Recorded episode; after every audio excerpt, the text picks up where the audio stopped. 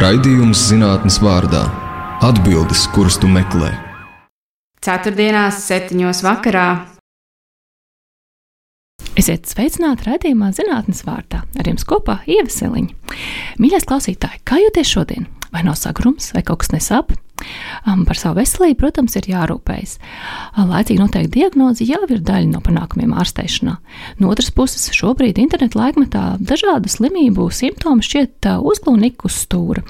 Vai atceries Čeram, ka Čeram populāro darbu trīs vīru laivā, kur varonis lasīdams dažādām slimībām secina, ka galā viņam ir tās visas, izņemot vienīgi ūdeni ceļu galā.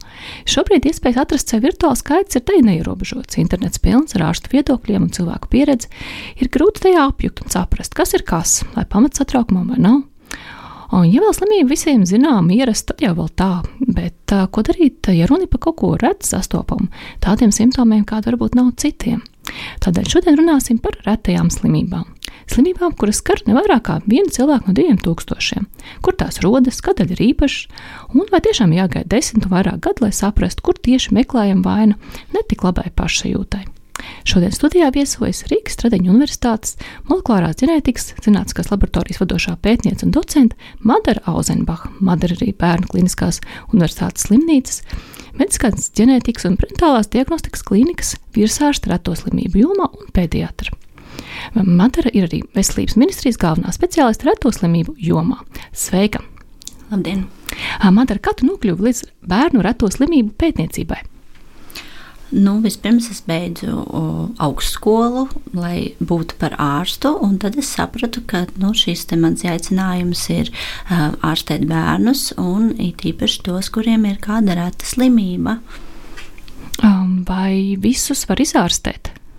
Nē, diemžēl ar retām slimībām izārstēšana praktiski vispār nav iespējama.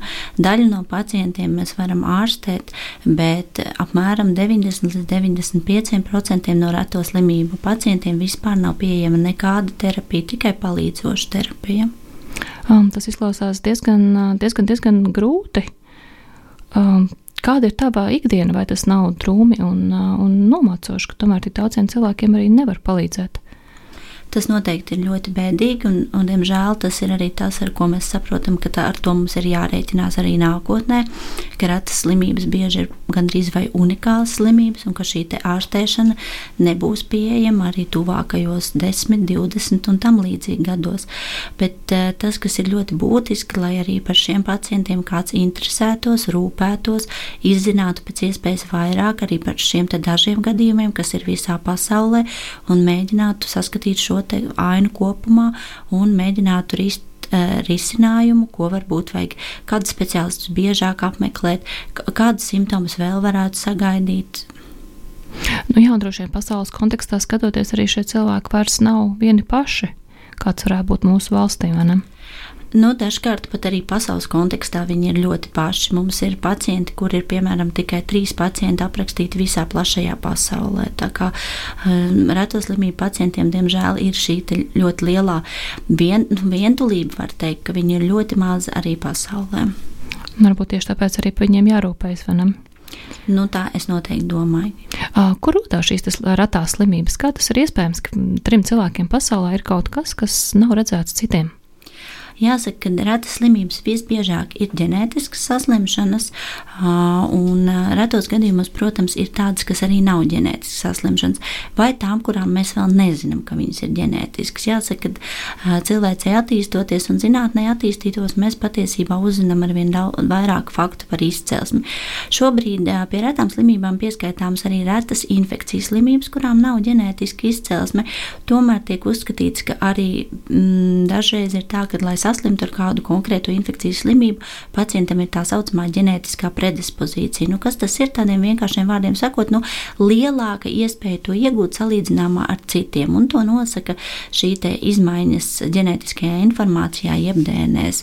Bet nu, tā tad lielākā daļa slimību ir tās ģenētiskās slimības, kas ir vai nu pārmantotas, vai nu radušās no jauna. Un, parasti visgrūtāk ir tieši saprast šo te, kā tas ir iespējams. Ja, ka šī slimība nevienam ģimenē līdz šim nav bijusi, bet ir attīstījusies no jauna. Un kā tas ir iespējams?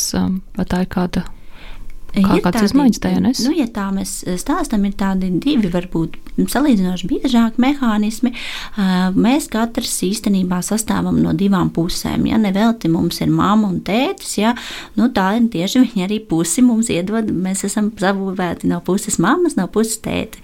Uh, Mums mamma iedod pusi no ģenētiskās informācijas un tētis otru pusi. Un tieši tāpat ir bijuši uh, mūsu mammai, viņas mamma un viņas tētis, un mūsu tētim, viņas, viņa tētis un viņa mamma. Un ir iespējams, um, ka viena pusīte no šī gēna, jo mums katrs gēns, izņemot dzimumu chromosomos esošās, ir um, divās kopijās, ja, ka viņš ir saslims šis gēns. Tad ir izmaiņa. Ja, ja mēs tā zinātniski saucam, jā, tieši tā to sauc izmaiņa DNS, ģenētiskajā informācijā, bet tādā vienkāršotā valodā mēs to saucam, ka gēns ir slims, nevesels, viņš nevar ražot olbaltumvielu, kas ir, um, kas ir paredzēta. Un šim cilvēkam, kas ir um, nes šo izmainīto gēnu, šo, kuram ir šī olbaltumviela mazāk nekā paredzēta, visbiežāk simptomu nav nekādu. Un tā mēs varam paudzēs iet un iet un iet un nodot no vienas paudzes uz otru šo gēnu, bet patiesībā nekāda simptoma mums neizpaudīsies. Tikai gadījumā, ja mēs satiekam partneri, kuram arī ir šis te izmainītais, jeb slimais gēns, mums ir risks, ka piedzims slims bērniņš. Un tad var satikties dažādi, nu, tā kā matemātikā, ja veselais ar veselo, veselais ar slimo un otrādāk no otra vecāka slimais ar veselo, un var arī 25% gadījumā satikties slimais ar slimo. Nu, tad pēcnācējiem izpaužās šī slimība kura biežāk arī tā ir reta slimība, ja, kura jau paudzēm šajā ģimenē ir bijusi, bet nekad nav nonākusi līdz tam, ka izpaužās. Nu, un vēl viens variants ir tāds, ka patiešām neviens no vecākiem šo gēnu nav nesis, taču ir notikusi kāda izmaiņa vai nu tajā brīdī, kad olšūna ar spermatozoīdu apvienojās, ja, vai nu tātad to nesis tikai olšūna vai tikai spermatozoīds. Un tad mēs tiešām šajā ģimenē šo slimību nekad nebūsim iepriekš nesuši. Vai ir kāda iespēja uzzināt, ko tad nes mūsu gēni, tie, kas varbūt tā mazāk izpaužās? Jā, tāda, tāda iespēja diezgan lielā mērā ir. Šobrīd molekulārā ģenētika, tātad, kā, tas, kā mēs pētām šos gēnus, ir ļoti attīstījusies. To var izdarīt arī cilvēks, kur, kuram vēl nav pēcnācēji, vai arī uh, gaidību laikā. Bet, diemžēl, nu, tas ir tāds risinājums tam, ko mēs saucam par biežākām retām. Nu, tas ir varbūt tāds uh, neprecīzs zinātnisks termins, bet nu, tāds saprotamāks cilvēkiem. Ja? Nu, tātad, ja slimība, piemēram, neirofibroza, fibromatozi. Ja mums ir viens uz 4000 cilvēkiem, tā ir reta slimība, tomēr tā ir biežākā retā, kur jebkurš ārsts savā dzīvē šādu pacientu ir redzējis.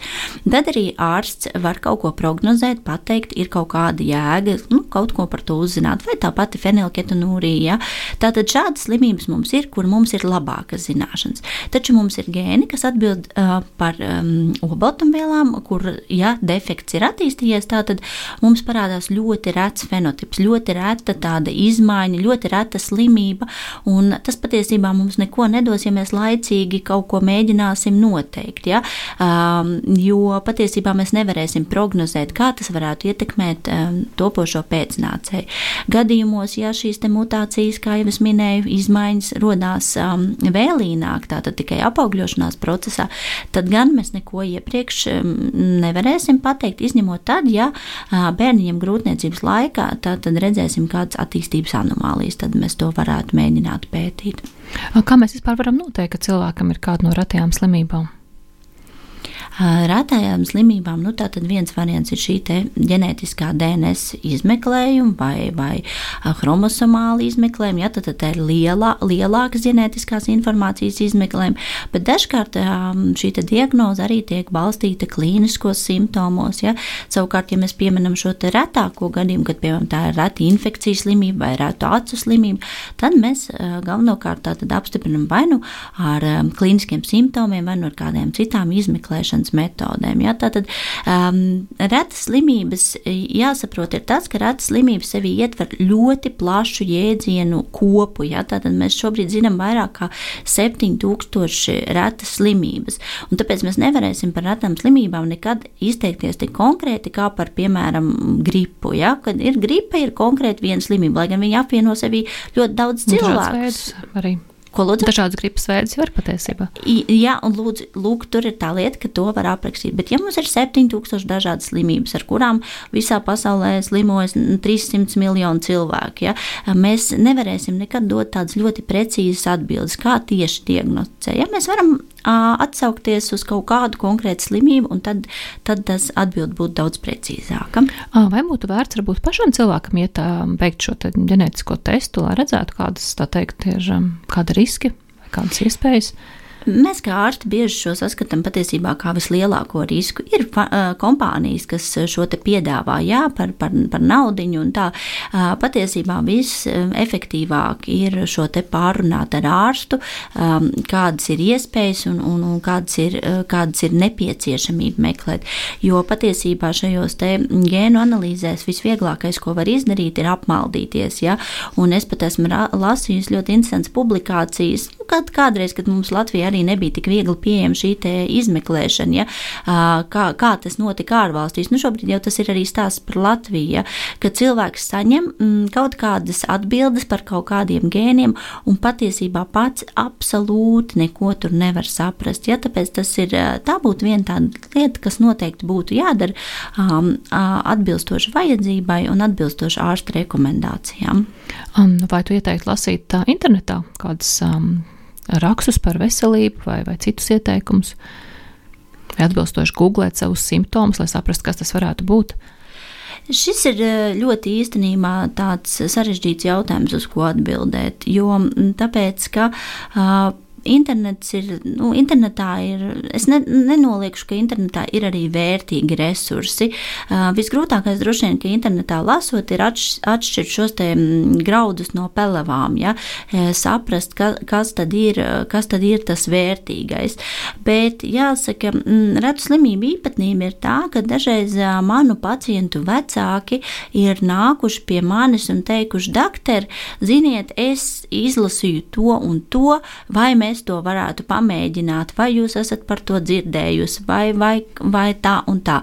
Un patiesībā es teikšu tā, ka ratu slimību pacientiem ir tā īpatnība, ka dažkārt tieši viņi mm, atrod eh, ļoti daudz laika veltot interneta meklēšanai, atrod um, dažādus pacientus uh, pasaulē, un, un dažkārt tiešām atrod arī interneta dzīvēs vērtīgu informāciju. Um, tāpēc šeit nebūs, nebūt arī viennozīmīga atbilde atbildi. Ja? Droši vien, ka vislabākais ir tad, kad um, šo te gan resursus uh, interneta, gan, gan, gan mm, iespējas saskaņo ar ārstu, tad tas droši vien būtu viss tāds optimālākais variants. Un droši vien seko līdzi arī avotiem, kur šī informācija tiek gūta. Noteikti es piekrītu, bet es domāju, ka cilvēkam, kurš nav ar medicīnu saistīts, šos avotus droši vien ir diezgan grūti atšķirt, kuri tad būtu uzticami un kuri būtu mazāk uzticami. Nu, droši vien, ka dīvaini eksperti un influenceri nebūs tie, kas labus padomus dos par epidēmijām, piemēram. Droši vien, jā piekritīšu. Kā ar retām slimībām, kad tās izpaužās bērnu vecumā, tu minēji mazus, mazus bērniņus, vai tomēr būtu cilvēks nodzīvo līdz kādiem kādam pusmūžam, un tad izpaužās kāda retā slimība. Biežāk tas ir bērnu vecumā, 70% retās slimības izpaužās tieši bērnu vecumā, taču tas nenozīmē, ka mēs esam pārauguši bērnu vecumu, ka mēs tagad varam būt priecīgi, ka mums retā slimība mūs nav skārusi. Ne, nu noteikti, jā, ne. Visi garām esam brīvi. Nē, diemžēl retā slimība var izpausties ne tikai brieduma garos, gados, bet arī, arī sasniedzot jau cienījamāku vecumu. Vai ir iespējams ārstēt, ja īsti nav skaidrs, kas tas ir, vai sākās vienmēr ar šiem testiem un atrast, kas tad ir tā pa slimību un aizrakties līdz saknei? Jautājums, ko mēs ārstējam, ja mēs, eh, ja mēs runājam par to, ka cilvēkam sāp galva, eh, un mēs nezinām, kāpēc viņam sāp galva, protams, viņš var cert pretsāpju zāles. Eh, ja mēs gribam ārstēt jau specifiski, tad, protams, mēs to nevaram ārstēt, ja mēs nezinām, nezinām ko mēs ārstējam. Bet, kā jau es minēju, ka reto slimību droši vien vislielākais stūrakmens ir tas, ka praktiski šī ārstēšana ir pieejama nu, 5 līdz 10% gadījumu no visām retām slimībām. Um, uz cik cilvēkiem Latvijā attiecās šīs retās slimības, cik daudz mums ir um, šo cilvēku, kas no tām cieši?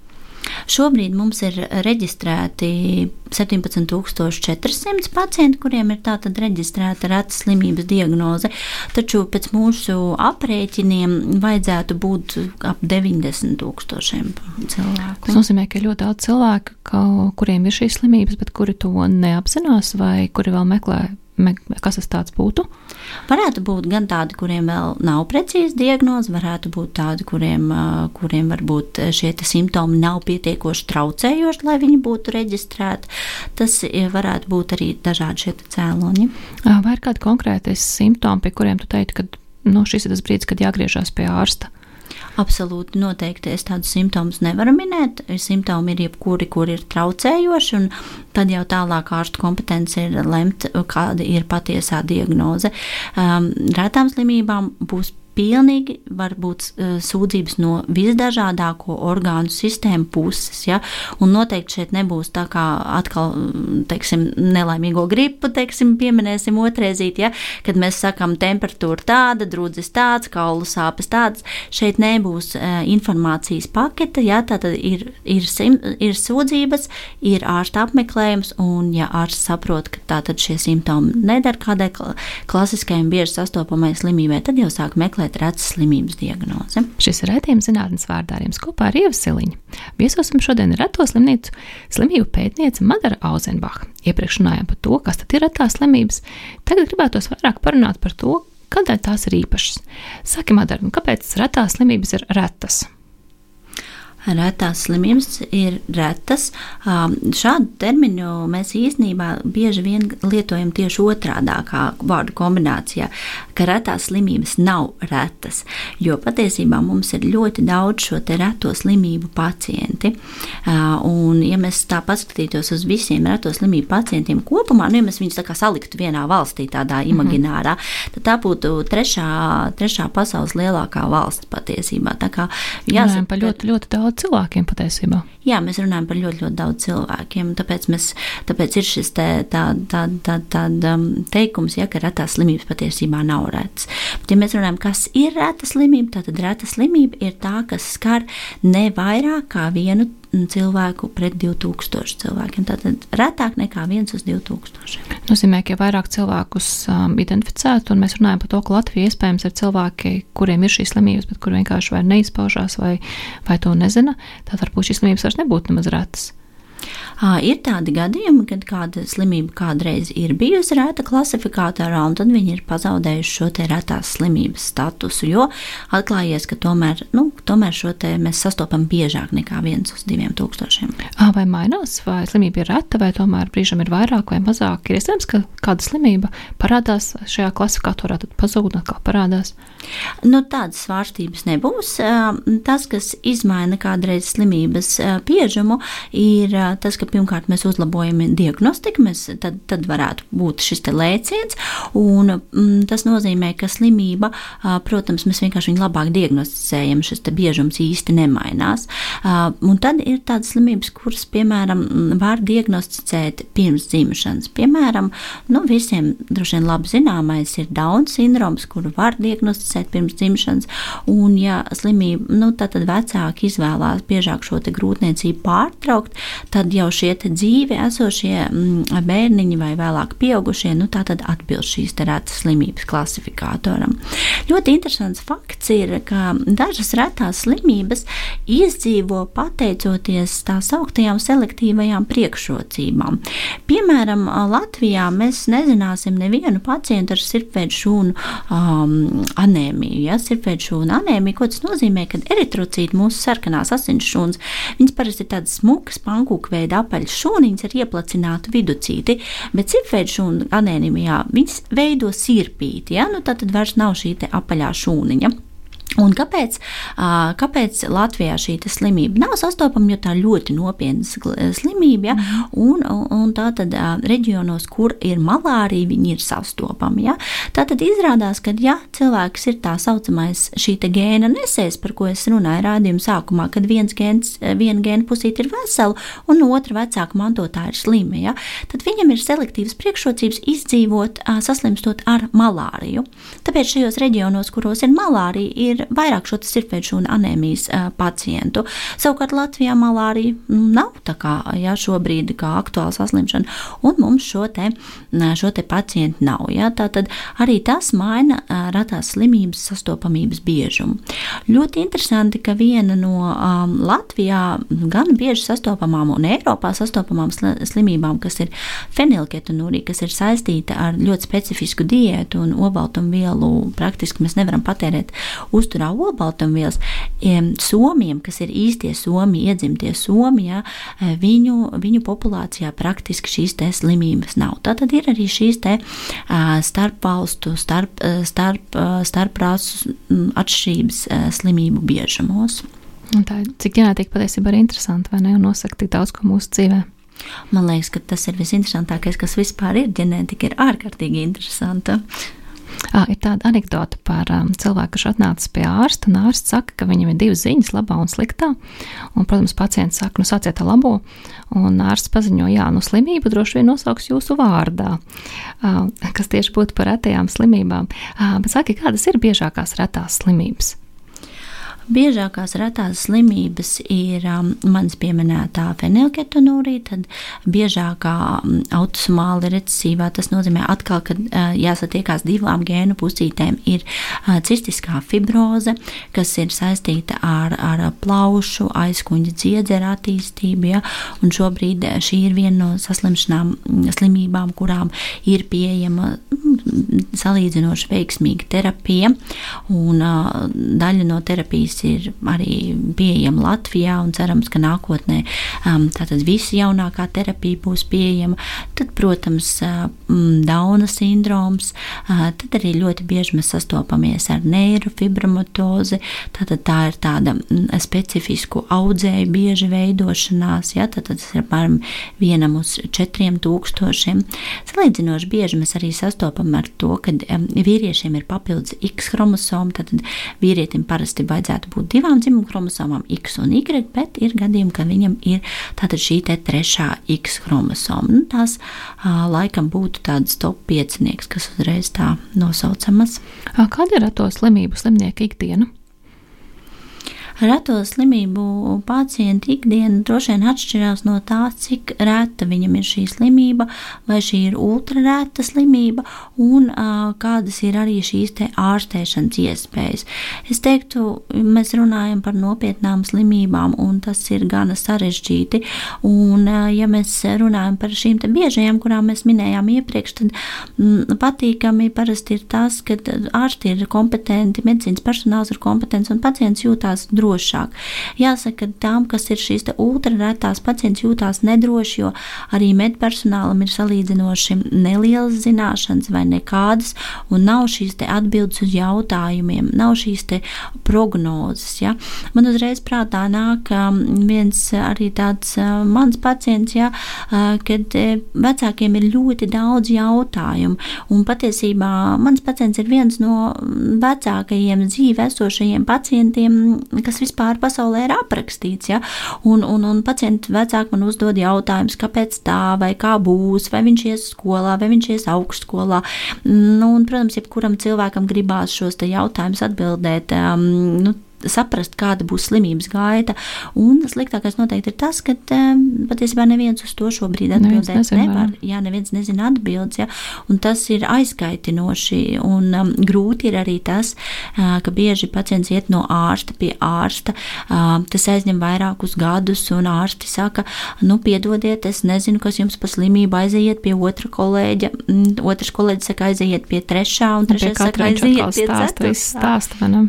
Un uh, patiesībā neviens nezina, kas, kas šim pacientam ir vainas. Un, uh, dažreiz nu, viens pacients arī vienmēr jau attausts kāds pacients atmiņā. Ja? Viens pacients gaidīja 18 gadus patiesībā līdz nevis, kamēr kāds izdomāja šo slimību, bet kad šī slimība vispār tika aprakstīta. Ja? Tas patiesībā nebija šīs slimības apraksts. Ja?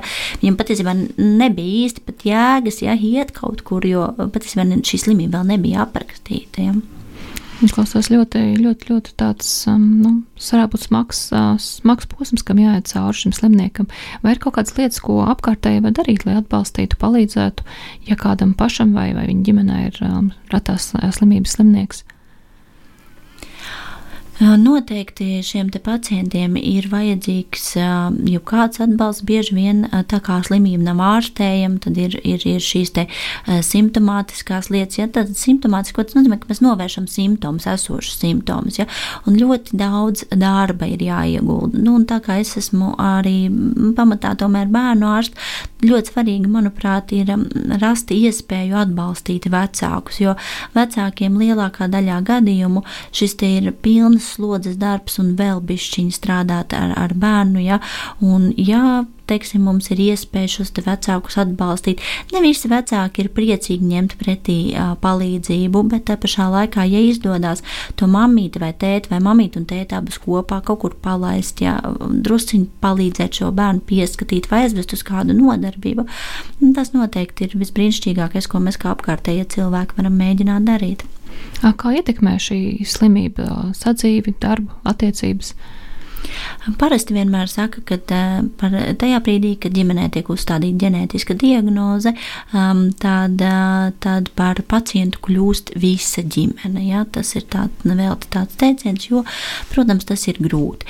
Bet jāsaka, protams, ir arī slimības ar vienkāršāku gaitu un, un netik nopietnu prognozi.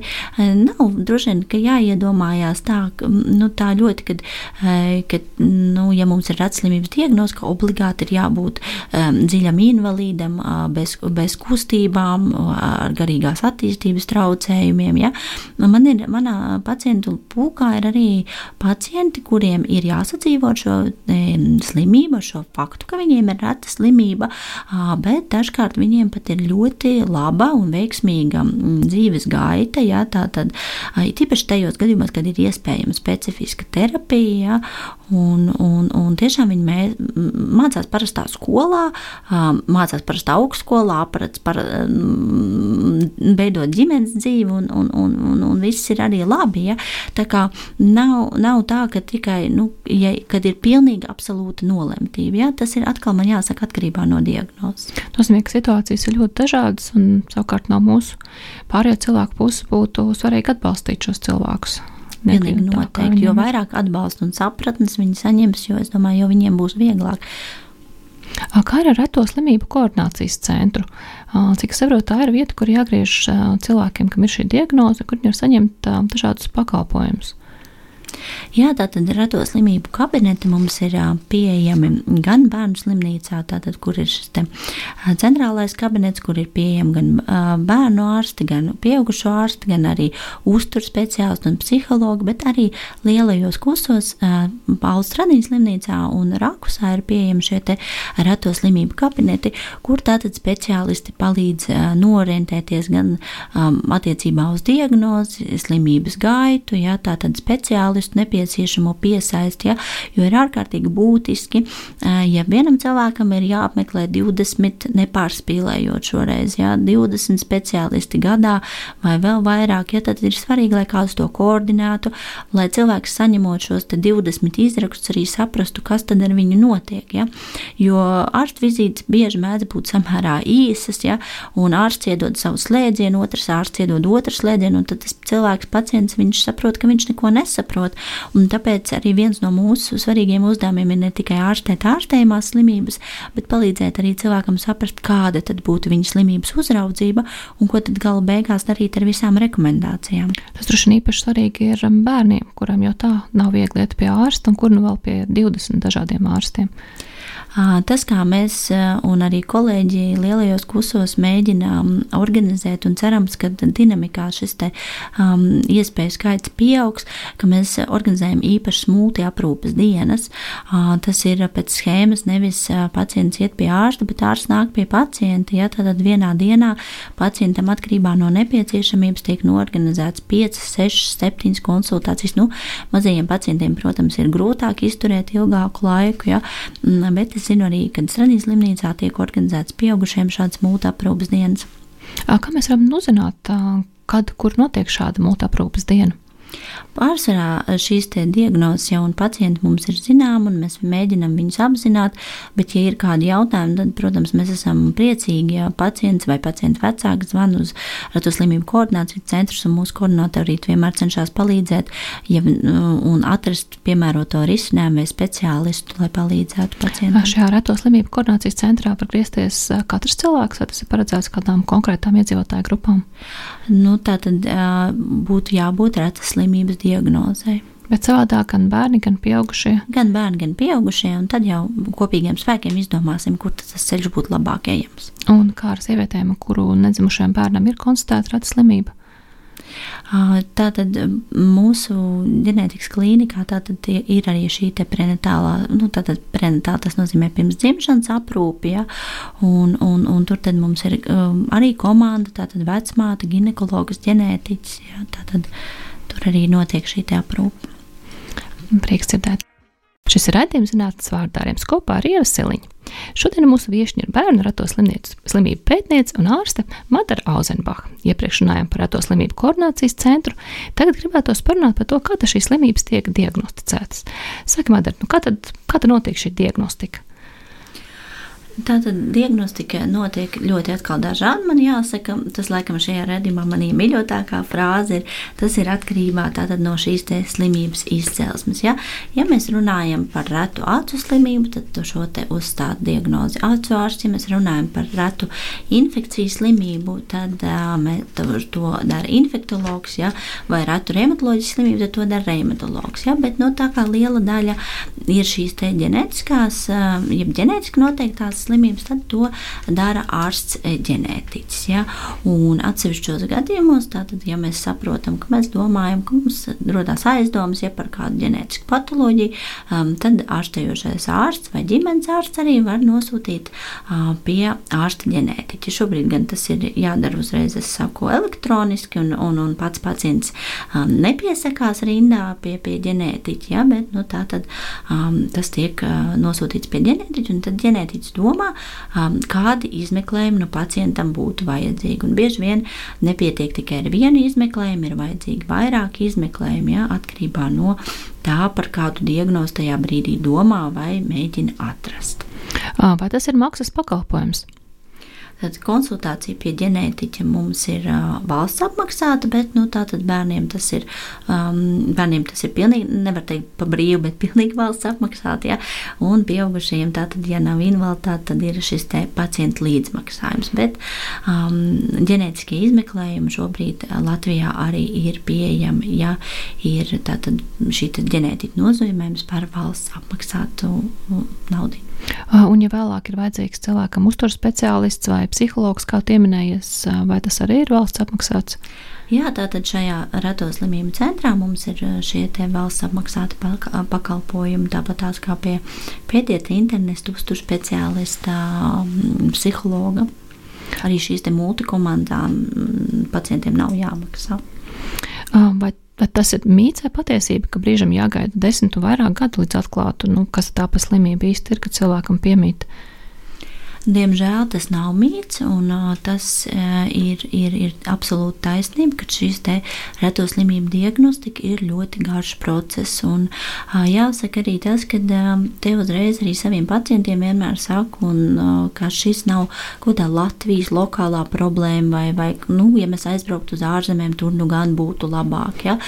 Tādās valstīs kā Amerikas Savienotās valsts, Lielbritānija, kas ir milzīgi attīstīts medicīnas jomā, šī diagnostika diagnostika arī aizņem uh, pat, pat 8, 10 gadus un pat vairāk. Protams, ja mēs skatāmies uz tām augtajām, nu, šeit ir jāliek pēdiņās, ja biežajām, retajām slimībām, tad, protams, diagnostika ir ļoti ātra. Pat, uh, pat ārsts, kas ir neģenētiķis, spēja atpazīt šo diagnozi.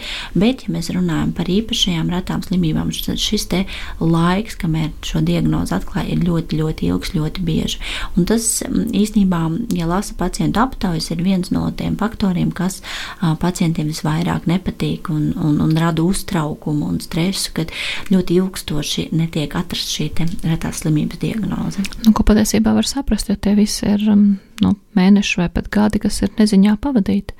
Pilnīgi noteikti, un daudzos no gadījumiem arī pacienta klīniskais stāvoklis var pasliktināties, gaidot šo, te, šo te, mm, diagnozi. Bet, diemžēl, retās slimības nu, pasaulē nebūs pilnīgi neviens cilvēks, kas pārzinās visas retās slimības. Jā, Viss 7000. Neviens nezinās, diemžēl.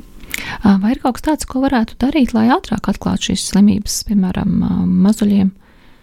Um, nu, tas vispār ir viss, vi, uz ko visa pasaule mm, orientējās, un šobrīd tiek orientēti dažādi konsorcija un dažādas konferences un padomas, kā nu lai šo gaidīšanas laiku samazinātu. Jo, protams, šis laiks neiepriecina ne ārstus, ne pacientus, ne, nevienu. Ja?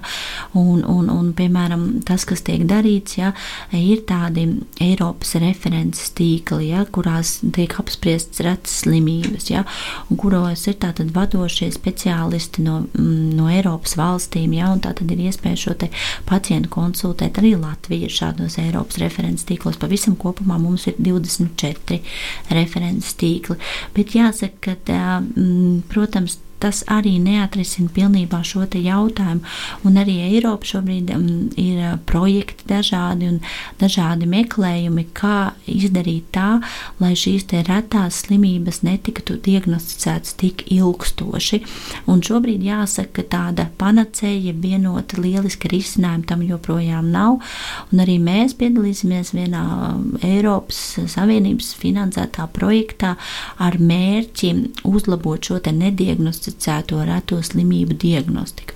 Jo dažkārt ir tā, mm, ka uztaisa pilnīgi visu ģenētisko izmeklēšanu, kas mūsdienās ir pieejama, un ko tas nozīmē, ka cilvēkam tiek nolasīta informācija par visiem gēniem, kas no viņam organismā ir, un pat par to ģenētisko informāciju, kas nav gēni, un diagnoze netiek atrasta. Un ārstam un pacientam ir tā sajūta, ka kādai diagnozē šeit ir jābūt, jo tomēr ir vairākas orgānu sistēmas puses skartas, pacientam nav labi.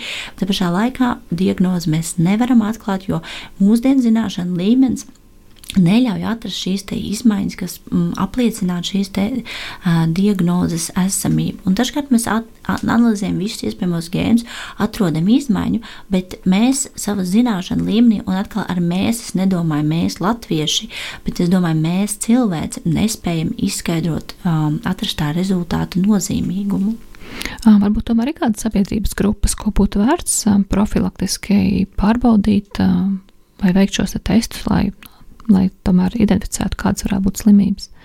Nu, viens, ko mēs varam darīt, ir, protams, un, un, un mēs arī darām, praktiski neviena valsts tāda nav, kur to nedara civilizēt, tā tad ir šis te jaundzimušo skrīnings, kura ietveros mēs tātad pārbaudam bebītim no pēdiņas, ņemot dažus pilienus asinis uzreiz pēc dzimšanas, lai mēģinātu atrast biežākās, nu, biežākās slimības, kuras ir ārstējums, un ārkārtīgi būtiski šeit ir uzsveram ārstējums, jo šeit ir svarīgi, lai bērniņam vēl nebūtu parādījušies simptomi, simptomi, bet mēs jau varētu uzsākt ārstēšanu. Un šīs parasti ir slimības ar nu, labu prognozi. Ja? Laicīgi uzsākot um, ārstēšanu, arī prognoze ir laba. Vai ir izdevies Latvijā atrast kādu šādu gadījumu? Patiesībā skrīnings jau mums ir jaundzimušo skrīnings mums ir no 1985. gada, un tātad katrā slimību grupā, dažas pat ir par vairākiem pacientiem gadā mēs runājam, ja šie te pacienti, pacienti ir. Šobrīd mums ir valsts apmaksāts skrīnings uz sešām slimībām.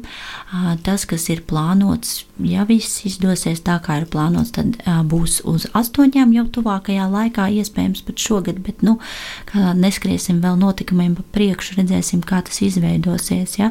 Un tātad šajās slimību grupās laicīgi ārstēt šos pacientus.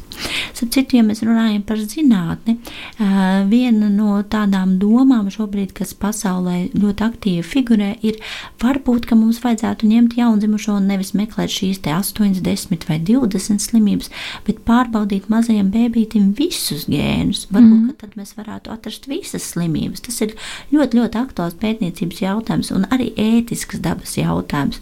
Jo mm, vienmēr smagais jautājums ir tāds, ko mums dotu šīs atbildes uz jautājumiem, ja mēs nevaram palīdzēt pacientam. Ļoti interesanti, ka jaundzimušo skrīningā mēs izvēlamies slimības, mēs pieturamies pie 68. gada kritērijiem, 1968. gada, ja, drīz jau būs simts gadi šiem kritērijiem, bet mm, mm. būtiski, lai slimības gadījumā mēs varam palīdzēt. Ja mēs izanalizēsim visus gēnus, iespējams, mēs atradīsim daudz slimības, bet vai tas palīdzēs pacientam, ja specifiska ārstēšana nav pieejama. Un otrs jautājums, kas rodās, ko mēs darīsim ar rezultātiem, kurus mēs vēl neprotam paskaidrot. Kā mēs paskaidrosim ģimenei, ja mēs paši ārsti uh, nezinām šīs te, nu, atradnes nozīmīgumu. Man šeit tomēr vērtīgi zināt. Um arī tomēr ir kaut kas, kurā mēs varam kaut ko darīt. Un pat ja mēs vienā situācijā varam ko uzlabot, ir vērtīgi to zināt vai kādu dzīvesveidu piekopt, lai šie riski neīstenotos, pat ja ir kaut kas, ko mēs šobrīd nevaram. Varbūt to varēs pēc gadiem tas nav viennozīmīgi šī atbilde. Ja? Tātad, protams, mēs vēlamies zināt, bet mēs vēlamies zināt skaidras atbildes. Ja? Nevienam no, no mums nepalīdzēs droši vien pateikt, mēs atradām gēnā ABCD pirmajā vietā, otro izmaiņu. Ja? Katrs cilvēks, kurš kaut ko vēlas uzzināt, viņš, viņš vēlas uzzināt konkrētas atbildes. Un tāpēc šobrīd nu, tādā pētniecības stadijā jā, ir, ir gadījumi, kad analizē šos te visus gēnus, tomēr klīniskajā ikdienā, tomēr joprojām pasaule pieturās pie tā, ka mēs analizējam konkrētas slimības, kurām konkrēti zinām gaitu un konkrēti zinām, kā palīdzēt. Taču, ja jūs man uzaicināsiet pēc gada uz šo raidījumu, iespējams, es teikšu jau kaut ko citu, jo īstenībā šī ir joma, kas attīstās ļoti ātri. Man prieks dzirdēt, ka Latvija ļoti sadarbojas ar ārvalstīm šo slimību pētniecībā, bet kādu atbalstu nodrošina valsts? Tātad šobrīd arī nu, jau atkārtoti ir izstrādāts šis reto slimību plāns, šis reto slimību plāns 23. un 25. gadam, kurā tātad veselības aprūpas nozars speciālisti un pacientu organizācijas arī ir teikuši savu viedokli, kas tad būtu nu, tas izdarāmā plānu punkts, un mēs ļoti ceram, ka arī valstiskā līmenī izdosies šo plānu īstenot īstenot un arī rast, neslēpšu arī finansiālu atbalstu šiem plānu punktiem, lai uzlabotu medikamentu pieejamību tiem, kam ir pieejami šī medikamenti. Ja? Tātad uh, fizioterapija, ergoterapija, nu, visas dažādas pakalpojumus, kuri no reto slimību pacientiem varētu atvieglot šo ikdienu. Varbūt arī pacientu organizācijas var iesaistīties un palīdzēt Un pacientu organizācijas mums eh, Latvijā ir un ir gan aktīvas. Jā, man ir tātad šī jumta organizācija, mm, Reto slimību pacientu alianses, jā, tātad, kas um, sevi nu, tur rūpi par visām pacientu organizācijām un, un, un lielākajām slimību grupām, tādām kā Down sindroms, fenilketonūrija, cistiskā fibroze. Ir arī savas um, pacientu organizācijas, bet nu, tā tad visgrūtāk droši vien ir, ir šiem pacientiem, kuriem ir, kur ir vieni paši, ne tikai Latvijā, bet arī Baltijā vai pat Eiropā. Ja? Tātad um, nu, šiem, šie, uh, šiem pacientiem arī ir domāta lielā mērā šī mm, reto slimību pacientu alianse, bet nu, viņu specifiskās vajadzības bieži vien ir grūti, grūti nu, saka, identificējams, jo nav tik labi zināms. Kas būtu tās lietas, kas būtu katram cilvēkam jāatcerās par retām slimībām? Noteikti ir jāzina, ka reto slimību pacienti ir īpaši un tas ir unikāli, un mēs viņiem nevaram pieiet pēc vienas receptes. Ja, un, un, un, un katram ir, ir, ir savas vajadzības un, un, un, un savas nepieciešamības.